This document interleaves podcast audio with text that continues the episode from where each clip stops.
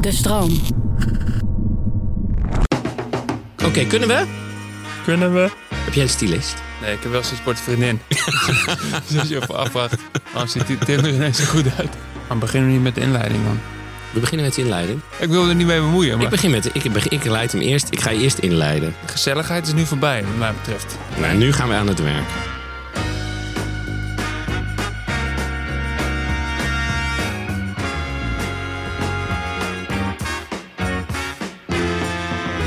Ha, lieve luisteraars.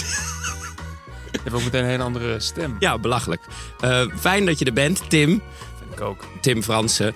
Eh, een tijdje geleden hoorde ik, eh, of zag ik eigenlijk in het programma Dit Was Het Nieuws, het volgende fragment. Het, is sowieso, het slaat nergens op om als activist naar een humorist te gaan. Dat slaat nergens op. Eveneens dat nergens op zou slaan als ik als humorist naar een activist zou gaan. Dat ik naar een demonstratie ga van... hé hey man, eh, ik moet nul lachen hier. Eh, toen ik net als Tim in de jaren 90 opgroeide, jij komt uit, ook uit de jaren 90 toch? 88. 88, ik heb nog twee jaartjes meegepikt van jaren 80. Maar weinig, Daarna weinig aan hoor. in de jaren 90. Ik heb altijd het idee dat in de jaren 90 eh, eh, kreeg ik tenminste altijd te horen: mensen van jouw leeftijd demonstreren niet. eh, mensen gaan niet meer de barricade op. Activisme was een vies woord. En ook in het cabaret. ehm, was activisme he- helemaal weg. Of in, ieder geval moralisme was helemaal weg. Eh, er was geen moraal, geen boodschap. Ans Theo gooide alle geldende cabaretwetten op de schop. Maar nu leven we volgens mij in een hele andere tijd. Eh, de jeugd is activistischer.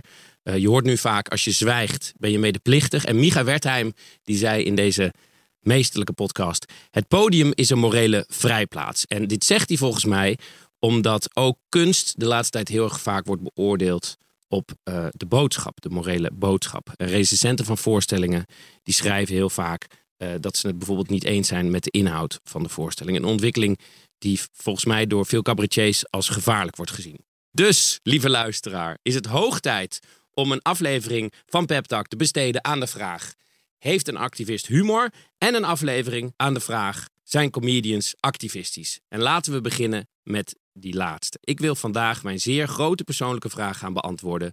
Zijn comedians activistisch? En dat ga ik proberen met iemand die me vorige week wegblies. Dat deed je, Tim. Wauw. Eh, niet letterlijk.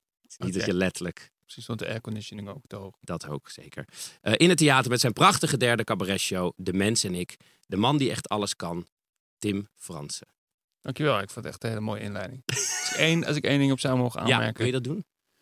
Nou, omdat je dan zelf zegt over je eigen podcast, meesterlijke podcast. Zeg maar, ehm, ik denk dat het beter is als, als, als ik het zeg. Snap je? Dus? Ik vind het echt een... Mag ik even tussendoor zeggen dat ik dit een me- meesterlijke, Echt? meesterlijke podcast vind? Oh, dankjewel. Ja. Hoef je helemaal niet bescheiden over te zijn. Oh, fijn. Eh, Tim, je bent twee keer cum laude afgestudeerd. Ja, ik wilde er zelf niet over beginnen, maar... Filosofie en psychologie. Je kan piano spelen, je kan zingen, je schrijft boeken, je bent grappig, filosofisch. Je hebt sinds kort een vriendin en je bent sinds kort ook verstaanbaar. Ik weet niet wat, wat daar is gebeurd. Wat Ja. kan je niet? Dat was mijn eerste vraag. Eh, een heleboel. Eigenlijk ja? alles wat eh, niet met het podium te maken heeft. Nou, ik, sinds, kort ben, ik- sinds kort ben ik leuk gekleed. Ja. Maar dat heeft dus eh, meer met die nieuwe vriendin te maken dan met mijzelf. Ja. Esthetisch gezien, dus voor een kunstenaar is het eigenlijk raar. Ik heb weinig esthetische gevoeligheid. Oh, want je toneelbeeld was mooi. Ja, dus dat, dat, dat besteed ik dan ook echt uit. Oh ja, daar betaal je mensen voor. Dat had ik mensen voor, ja. Om te kunnen zien wat mooi en lelijk is. Dus dat kan je niet. Nee, ik kan heel veel dingen niet. Nee, dat is ook waar. Maar ik wilde ook gewoon even opnoemen wat je, wat je... Nou, het is, ik zag je voorstelling en toen dacht ik, wa- hij kan alles. En mooi zingen en piano spelen. Is je hele familie zo? Ik heb wel een muziek... Mijn, mijn vader is muziekleraar bijvoorbeeld. Ja. Dus muzikaal heb ik wel een beetje meegekregen. Ik kom niet uit een uitzonderlijk artistieke familie. Hmm. Of zo. Mijn ouders eh, komen allebei uit het onderwijs. Ja. Gewoon een, eigenlijk een heel normaal middenklasse gezin. Oh ja. Ambtenaren. Dus, je, dus het is niet genetisch. Je hebt het gewoon allemaal zelf. Je kan het gewoon allemaal zelf. Nee, maar kijk... Gaan we hier meteen induiken? Nee, we duiken er Nee, niet in. toch? Wat is activisme precies?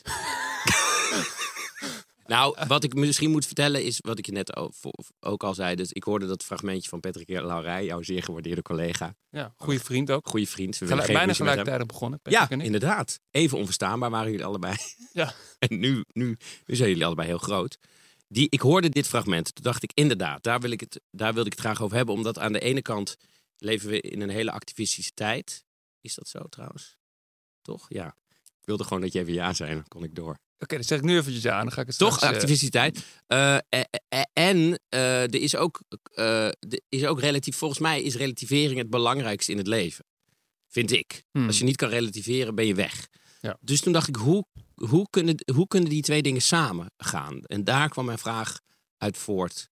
Eh, zijn comedians activistisch eh, en hebben activisten humor? Ehm, omdat ik zo... Deze tijd vind ik ingewikkeld, omdat zo die twee dingen, relativering en activisme, hoe, hoe kunnen we die een beetje combineren?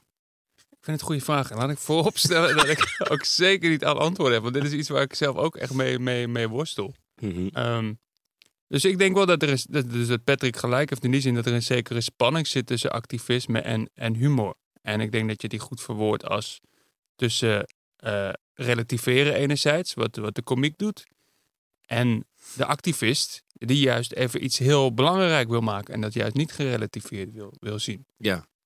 Ehm, tegelijkertijd denk ik dat het ook niet een absolute tegenstelling is. Dus ik heb, ik heb zelf ook wel eens gewoon echt als activist gedemonstreerd met Extinction Rebellion bijvoorbeeld. Heb ik een, we hebben een weg geblokkeerd. Een van de spannendste momenten uit mijn, uit mijn leven. Ben je, toen ben je ook opgepakt, toch? Of niet? Was ik dat? ben, ja, het is een beetje een laf verhaal. Ik ben net, toen ik voelde dat, dat het echt eh, erop aan zou komen, ben ik eh, gevlucht. Zeg ik, jongens, eh, zal ik anders nog wat te eten voor ons eh, halen? ik kom voor ze jullie Ik ga wat veganistisch voor jullie halen. Ik ben weg. Want het is Extinction, Extinction Rebellion die demonstreren tegen de opwarming van de aarde, toch? De, de, Ja, eigenlijk twee dingen. Ja, dus klimaatproblemen, klimaatcrisis en de biodiversiteitscrisis. Mhm, Wat, wat, waar ik me ook echt, zeker in, een, eh, in, in mijn vroege jaren twintig, ook echt heel veel zorgen ook over heb gemaakt. Mhm. Tot op het punt dat ik er een psycholoog voor heb bezocht. Dat vertel ik ook in de voorstelling. Dus, ehm, maar tegelijkertijd twijfel ik of ik, of ik mijn cabaret, ik zou dat zelf niet snel activistisch noemen, mijn, mijn cabaret. Dus voor mij zijn het ook wel Twee, echt twee verschillende dingen. nou, echt twee verschillende dingen zou ik niet willen zeggen, maar het zijn wel twee verschillende vormen die, die onderhevig zijn aan verschillende regels. Ik kan, Hmm. niet- Kijk, als ik op een podium ga staan en echt gewoon een, een preek ga houden over hoe, hoe ik vind we- dat we naartoe moeten, dat is vooral ontzettend oninteressant en lelijk vanuit artistiek oogpunt, denk ik. Dus je wil ook. Maar goed, dit is, dit is iets, eigenlijk, dit is, dit is waar mijn vorm van cabaret van, voor me vandaan komt. Door mijn eigen worsteling met. Want ik heb inderdaad een grote drang en, om de wereld te veranderen.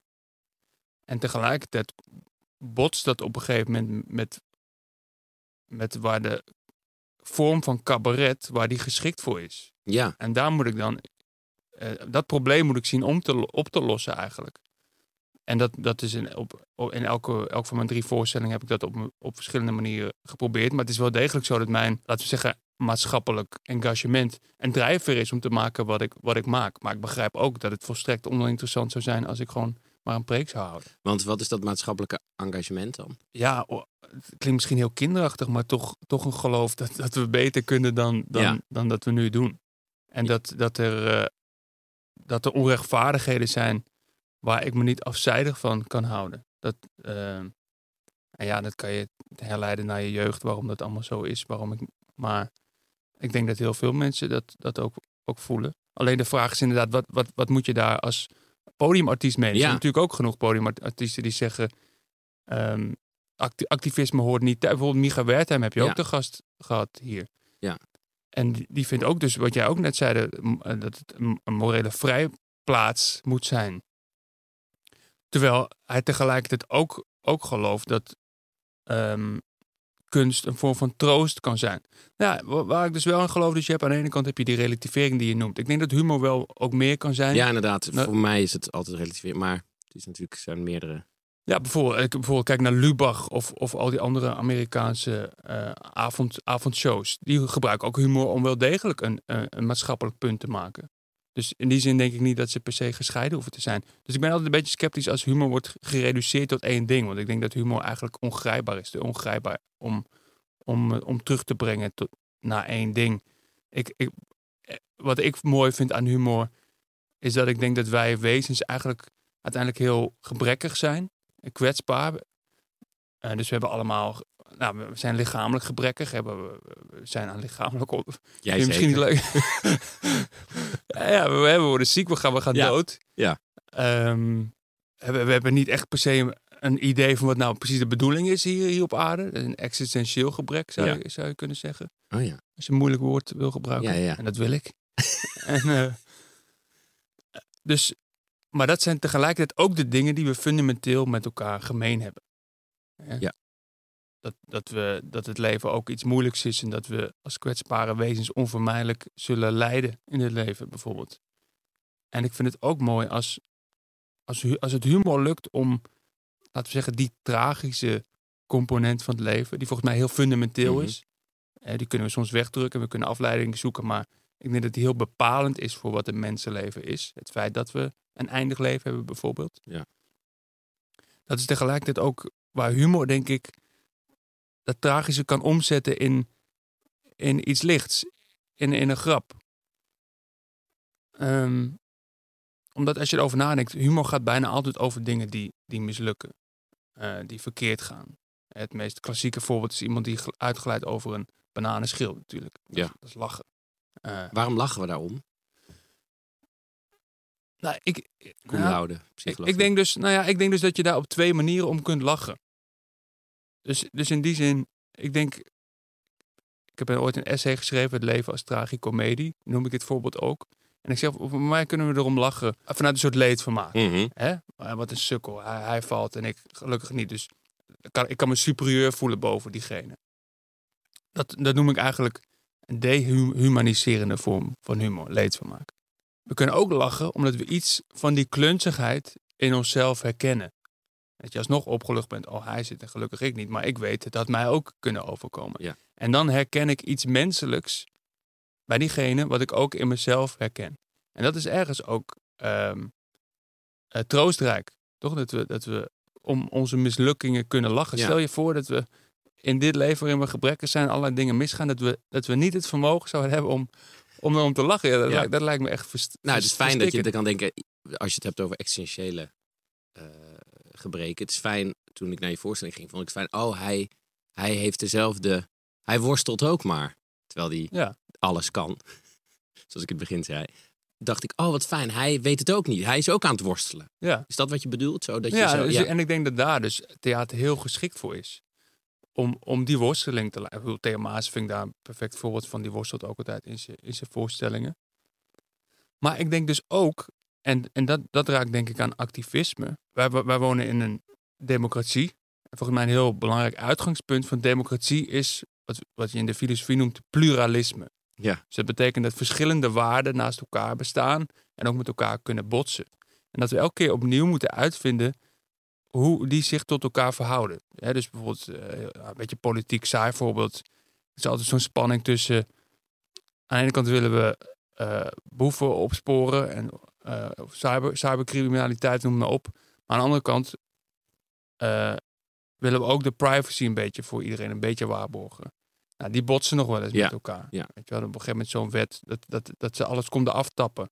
Nou, hoe, hoe weeg je die waarden dan tegen elkaar af? Nou, eigenlijk komt bijna de hele politiek voor mij neer op, op, op die afweging van verschillende soorten waarden. Vrijheid tegenover sociale rechtvaardigheid, et cetera. En het is dus heel gezond om te erkennen dat, dat, dat er verschillende waarden zijn die, die legitiem zijn op zichzelf. En we moeten elke keer met elkaar uitzoeken Mhm. Hè, ook in de context van deze tijd. Bijvoorbeeld, nou, ik maak me dus zorgen bijvoorbeeld over het klimaat bijvoorbeeld. Nou, dat raakt ook aan bepaalde vrijheden. Wil je bijvoorbeeld zo ver gaan om, weet ik veel, een belasting op, op vlees of op vliegen? Ja, Daarbij, daarbij perk je mensen in hun, hun vrijheid natuurlijk. Eh, dus dan heb je dezelfde discussie. En omdat daar niet absolute antwoorden over bestaan, wat nou de perfecte manier is om die afweging te maken, denk ik dat theater een hele goede manier kan zijn om, om die kwesties op te werpen. En niet per se om er een antwoord op te geven, maar wel om, om de worsteling te laten zien. om de worsteling te laten zien en om, om die dilemma's duidelijk te maken. Ja. En, ehm, en omdat wij ons elke keer weer opnieuw moeten verhouden tot de tijd waarin we leven en met, met nieuwe morele dilemma's. En dat we ook met elkaar uit moeten zien te komen. Want ik heb een idee over hoe het zou moeten. Mhm. Maar omdat we in een democratie leven, jij hebt misschien een ander idee. Ja. En ik denk dat theater een perfecte plaats is om. Ja, niet om. Niet, dus niet, om- ik zie mezelf niet als degene die eh, op het podium een antwoord moet geven, maar die wel de kwesties die ertoe toe doen, die een podium te geven, zodat wij met z'n allen ons daartoe kunnen verhouden. En dat gesprek kunnen blijven voeren. Want ik Ja. denk, democratie is gewoon een voortdurend gesprek over hoe moeten we ons tot elkaar verhouden en tot, tot de wereld. Op een manier dat we niet helemaal ten onder gaan zoals nu. Nou, wat ik me wel afvroeg is, als je het dan hebt over eh, eh, je, je engagement. Kijk, bij activisme wil je iets bereiken, toch? Ah, Zo'n Ja. Eh, zo'n eh, Extinction Rebellion protest wil je, wil je iets bereiken. Is dat ook met je voorstelling zo?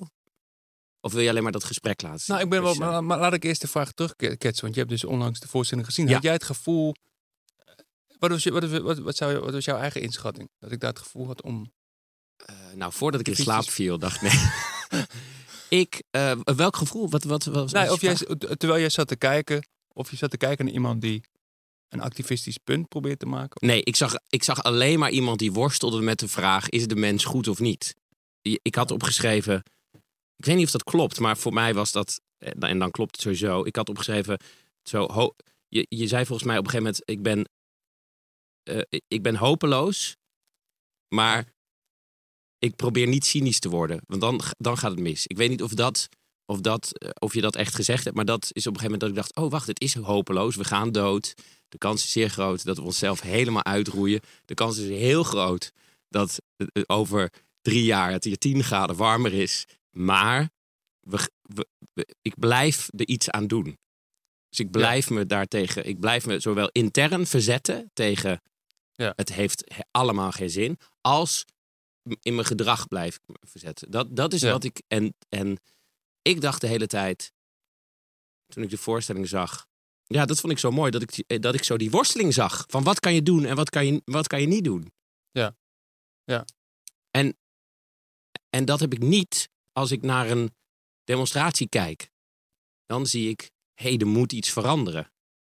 Terwijl, wat ook goed is, hè, het is geen waardeoordeel. Maar dan zie ik, oh, er moet hier, er moet hier dit kan niet. Dit is, er wordt hier onrecht aangedaan, hier, hier moeten we iets aan doen. Terwijl bij jouw voorstelling is het, ligt veel genuanceerder, veel, eh, ja, veel meer een worsteling. Nou ja, ik, ik vind het mooi wat jij zegt inderdaad. Want... En je zegt ook iets in, in, in de tussenzin wat, wat heel fundamenteel is voor het menselijk leven. Want dat is ook, toen ik me dus zo zorgen maakte over bijvoorbeeld de klimaatcrisis. Bijvoorbeeld. Er kwam een moment dat ik me realiseerde, zelfs als dat allemaal vlekkeloos gaat verlopen. Er komt een moment dat ik zelf ten onder ga. Ja. Onderga, weet je wel. Dus in die zin is, is het leven sowieso een ramp. maar, maar, Waarom is het een ramp? Nee, het is geen... Oh, omdat nee. je ten onder gaat, bedoel Ja, je? we gaan ten onder. En iedereen van wie we houden. Ja. Eh, maar dat is inderdaad niet een reden tot verslagenheid. Maar het is toch ook heerlijk?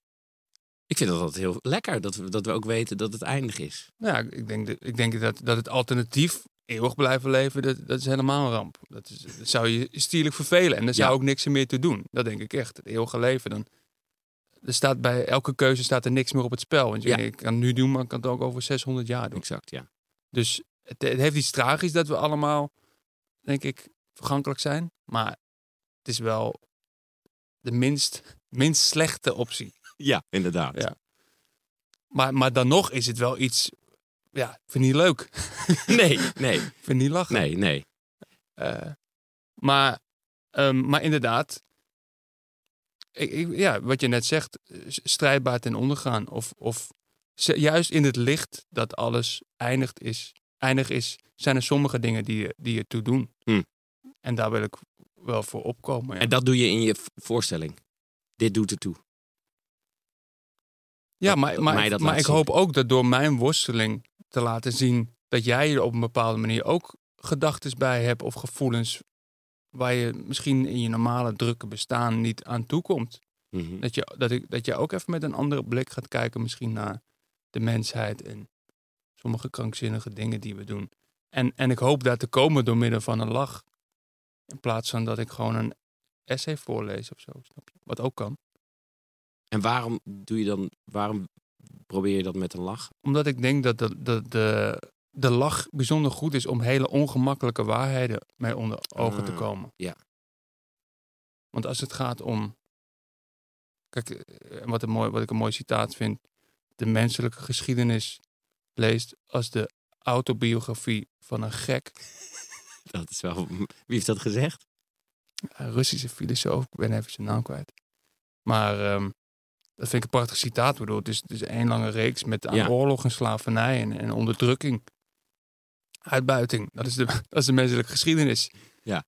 En dat is denk ik de, de, de artistieke stap. Dat je dat probeert. Of de, dat je dat probeert vanuit het perspectief te belichten. Dat we er toch om, om kunnen lachen en ons ermee Ah. kunnen verzoenen. Of En dat we het maar het beste ervan maken. Want je zegt in je voorstelling uiteindelijk wel. Oh, nee, spoiler ik het dan? Nee. Nou, nee, dan spoiler ik het niet. Maar jij gaat wel uit van het goede in de mens. Nou, ik geloof wel dat we allemaal ook het goede in ons hebben. Ja. Ja. Net als dat ik geloof dat we allemaal het slechte in ons Ja. hebben. Ja. We volgens mij zeg je op een gegeven moment, de mens heeft verwondering. Dat is al reden genoeg om... Of de mens is, is al eh, weet van zijn eigen eh, sterfelijkheid. Dat is al reden genoeg om medelijden, of nou niet medelijden, om compassie met ze te hebben. Zoiets zeg je Ja, niet, eh, maar dat, is wij inderdaad met dat besef leven. Ja. Een dof, ja, misschien dolfijnen, we durf ik niet over te zeggen. Maar een konijn die loopt niet rond met wat heeft Nee. het voor zin. En, en eh, wat slaat het op dat ik straks eh dood ga. En het feit dat we dat weten is al genoeg om te zeggen, ah, jongen. Ja, ja, dat, ja, dat geloof ik wel ten diepste. Ja, dat we uiteindelijk ook wezens zijn die compassie verdienen. Ja. Want wij hebben er ook niet voor gekozen om ineens in dit krankzinnige eh, lot geworpen te zijn. Nee. Zonder Is het, is ja. het zo dat, nu we het toch daarover hebben, jij alles weet, is het zo dat, dat zei een keer iemand, ik weet niet wie dat was, die zei, eigenlijk zijn we te snel geëvalueerd. Dus we, we, we zitten nog heel erg met onze, met al onze eh, evolutionair, bijvoorbeeld suiker. Wij vreten heel veel suiker, dat is er omdat we ooit in een tijd leefden waar weinig suiker was. Dus eh, evolutionair gezien zi- zijn we zo getraind dat we suiker lekker vinden, want dat hebben we dan nodig. Maar nu is er heel veel suiker en kunnen we ons niet eh, zijn we de hele tijd bezig met, oh, ik mag geen suiker eten. Eh, zitten we de hele tijd in gevecht met onze, onze hoe noem je dat? Ehm, Instincten. instincten. Ja. Is dat, zo, is dat zo? Vind je dat ook? Dat, dat zeg maar, als, je, de- als de vraag is, is de mens goed of niet? En dat is misschien wat ik ook dacht toen ik je voorstelling zag. Ja, de mens heeft gewoon heel veel instincten. Net als gewoon willen reizen bijvoorbeeld. Vlees willen eten. En volgens mij gaat het goed of slecht over hoe je met die instincten omgaat. Ja, precies. En ik denk ook hoe we de samenleving inrichten, dat we sommige instincten een beetje aanmoedigen en sommige een beetje afremmen juist. Ja. En in het geval van suiker bijvoorbeeld, ja, het schijnt zo te zijn dat toen wij als weet ik veel jager verzamelaar rondliepen, Mhm. kwam weinig voor dat je fruit tegenkwam. Ja. En fruit zit natuurlijk vitamine in, dus als je tegenkwam, ja, we zijn we zo geconditioneerd, oh, suiker is, is goed. Ja. Ja. En nu hebben we een samenleving waarin we allemaal lege suikers hebben en eh, bij de supermarkt net, net voordat je zie je nog even met je impuls aankopen. Ja. Ja, dan spe- speelt die, dat evolutionaire instinct. Oh, suiker. En, dan eet je En de supermarkt maakt, mis, supermarkt maakt misbruik van dat instinct. Dat is Ja. natuurlijk ook nog weer iets. Ja, van, van die zwakheid eigenlijk die we hebben, ja. Maar op dezelfde manier, ik vind, ik vind altijd... Kijk, we zijn geëvolueerd in groepen bij mensen. Dus we zijn hele sociale dieren. Maar dat wordt vaak als iets positiefs gesteld. Maar dat betekent ook dat we dus een heel sterk in- instinct hebben voor... Oh, die hoort wel bij mijn groep en die hoort niet bij mijn groep. Ja, En racisme. Racisme heb je, racisme. ja. En ook bijvoorbeeld oorlog. Ik bedoel, oorlog is een hele sociale aangelegenheid. Ja, want we gaan met onze groep, Zeg dat maar even tegen. gaan we die andere groep om zeep helpen. Zeg maar, wezens die in hun eentje leven, die Ja. voeren geen oorlog. Nee. Nou, het feit dat hier al... Is, dit is wat er net gebeurde, is precies wat je wilt, toch? Dat we lachen om het feit dat we debielen zijn die oorlog voeren. Ja, ik denk dat het heel gezond is, want dan kunnen we onder ogen zien wat voor gekke wezens we zijn. En dan, dan kunnen we hopelijk ook een beetje de sa- samenleving daarop, daarop inrichten. En dat, en dat probeer je met je voorstellingen te doen. Nou, nou wel inderdaad om... om ehm, dat, dat, ja, dat weet ik, ik vind het ook moeilijk hoor. Nou, ik, ik wilde, mijn volgende vraag zou zijn, ben je daar actief mee bezig als je een voorstelling maakt? Ook niet echt, denk ik, toch? Ben je nou echt bezig met... nou, ik wil de ik- worsteling van de mens laten zien als je een voorstelling maakt? Nou, kijk, ik denk wel, als ik mijn drijfveer... Kijk, er zit gewoon een idealist in mij. Dat is gewoon zo. Ja. Alleen ik weet ook dat ik die een beetje moet maskeren. Wil ik een goede voors- voorstelling kunnen maken. Ja. Dus ik voel me altijd een soort eh, idealist in vermomming. Ja. Idealist in disguise. Een soort Batman, maar dan zonder het pak. Clark Kent de hele dag. En die verhult dat hij de mensen redt. Ja. Ehm, ja, omdat ik, om, ja, dat, dat is iets. eh, ook mijn, mijn regisseur bijvoorbeeld, Daniel Samkalde, die ken Mhm. jij misschien van Ja, die zat bij mij op de toneelschool. Ja. Vier jaar boven mij. Had jij een hekel aan hem? Of? Ik, nee, ik vind zijn album... Hij heeft één album gemaakt. Dat vind ik nog steeds het beste kleinkunstalbum wat er is. Kijk. Ja. Luister Daniel. Ga weer liedjes. Ja, dat vind ik echt. Dat Nee. is echt. eh, nou, niet n- Nederlands erfgoed, maar ik vind dat, dat Ja. album. Vind ik, nou, dus ik, ik ken hem wel. nou, voor, voortreffelijke inderdaad kleinkunstenaar. Ja. En een voortreffelijke regisseur. Mhm. Maar ik heb ooit, zo heb ik hem leren kennen, bij Crea een kleinkunst, of zo ja, een tekst, een cursus kleinkunsttekst te schrijven. En toen zat ik dus in mijn hypermoralistische fase. En toen heb ik dus echt ook dingen geschreven. Ja, dan moesten we een column schrijven. Ja, had ik gewoon iets over de bijensterfte. Maar gewoon echt vol erin, zeg maar, hoe erg dat, echt erg dat was. En hij heeft ook wel... eh, dus hij, hij kende mij al heel lang. En pas jaren later, toen ik een voorstelling ging maken, heb ik hem nog eens benaderd. Ja. Hij heeft ook gezegd, ja, destijds, ik heb helemaal niet gedacht, deze jongen heeft talent. Omdat hij gewoon zo on, eigenlijk opgesloten zat in zijn eigen moralisme. Ja. Dus dat is voor mij de zoektocht geweest. Hoe, hoe kan ik dat moralisme eigenlijk... eh, ja, hoe kan ik In me er, skies maken. ja, dus hoe kan ik me er wel door laten inspireren, zonder dat het een slechte voorstelling oplevert? Wat is moralisme precies? Dat is een goede vraag. Nou ja, eh, Micha Ik denk, ik denk het. moralisme is het, het, het opleggen van een moraal op een manier dat jij denkt dat je het morele gelijk op een absolute manier aan je, aan je kant hebt. Mm. Dus eh, eigenlijk de morele waarheid in pacht hebben en dat op, een- aan, een ander opleggen. Alleen tegelijkertijd moet ik daar wel bij zeggen, ik denk dus dat wij in onze tijd, jij noemde net de jaren negentig, Mhm. waarin eigenlijk geen amper activisme was. Ik denk dat wij in een hele liberale cultuur leven. Dat wil zeggen dat wij heel erg sterk geloven. Uiteindelijk moet iedereen voor zichzelf een beetje bepalen wat, wat goed is. Ja. Ik heb bijvoorbeeld net een column geschreven. Ook eh, via, te luisteren via mijn podcast. Tim Frans FM. Hele goede podcast. Dankjewel. Stukje reclame. Ga door. En wat ik dus oprecht een heel leuk voorbeeld vind. Dus wij, hebben- wij hebben nu eh, de, de oorlog in de Oekraïne. En wij zijn natuurlijk afhankelijk van het Russische gas. En Ja. wij, wij betalen echt aan Rusland veel meer miljarden dan dat we nu aan Oekraïne geven. Dus op, op, op papier staan we eigenlijk gewoon aan de kant van de Russen. Mhm. Nu hebben we een overheidscampagne eh, gehad. Zet ook de knop om. Hè, om ons een beetje te stimuleren. Doe de, doe de, doe de kachel iets, iets lager. En, eh, maar dat is allemaal heel voorzichtig. Weet je wel, 19 graden. Terwijl experts zeggen, ja, moet het op 16 graden, dan heeft het echt zin. weet je, dan Oh, wauw. kunnen we gewoon van die Russische afhankelijkheid eh, af. Ja. Maar de politiek schat ons denk ik goed in. Wij zitten niet op dat soort moralisme te wachten. Nee. Terwijl als je vergelijkt met campagnes uit de Tweede Wereldoorlog.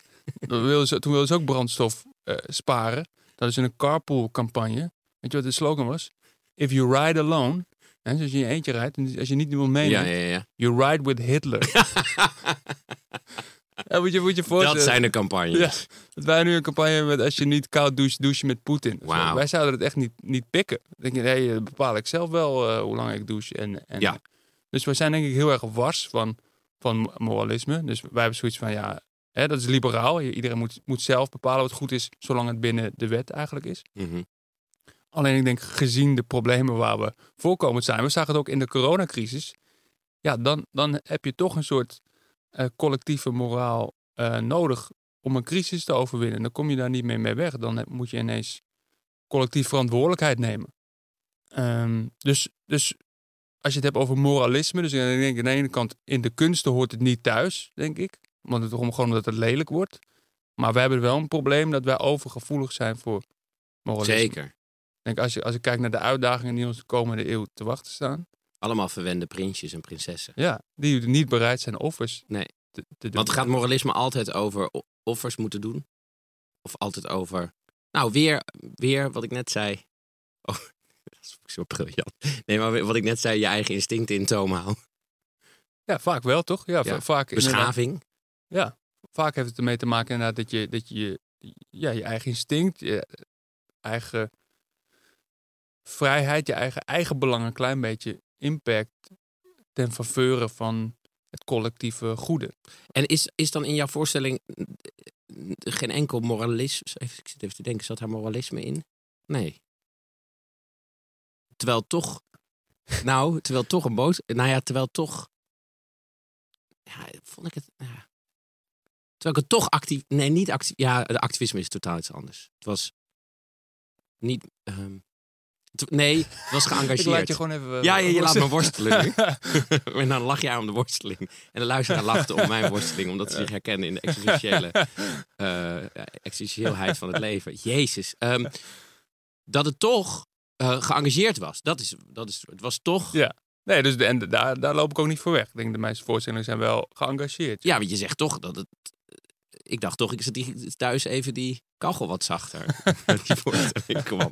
Ja, dus ik denk wel dat het een morele dimensie heeft. Mhm. Dat, dat- dat denk ik wel. En ik vind dat ook zelf interessant om naar te kijken. Als ik, als ik naar iets kijk wat gaat over de vragen van deze tijd. Zeg maar, ik heb niks met hè, de, eh, om- kunst omwille van de kunst. Hoe zeg je het ook weer in het Frans? Laag. Eh, eh, laagt, poer laagt. ja. ik wist het zelf wel, maar ik dacht, als ik zeg in Frans, sta ik zelf voor lul mij. Maar nu heb ik het al gedaan. Nu ben ik degene. Ehm, ja, dat, daar heb je niks mee. Nee, inderdaad. Nee, dan wordt het, wordt, het kunst, wordt het kunst triviaal of zo. Tenminste, ik kan er wel ook wel van genieten in comedy als het helemaal nergens over gaat. Maar Mhm. uiteindelijk vind ik het toch interessanter, denk ik, om te kijken naar iets ja, wat zich verhoudt tot deze tijd of zo. Maar goed, dat is, dat is ook smaak, weet je. Dat is, dat is niet iets waarvan ik zeg, zo moet kunst zijn. Nee, nee, zo. nee, nee, nee.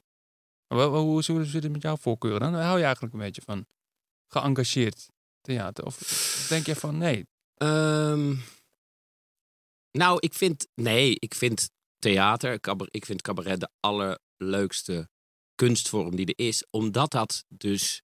Omdat, die, omdat het zo de hele tijd switcht.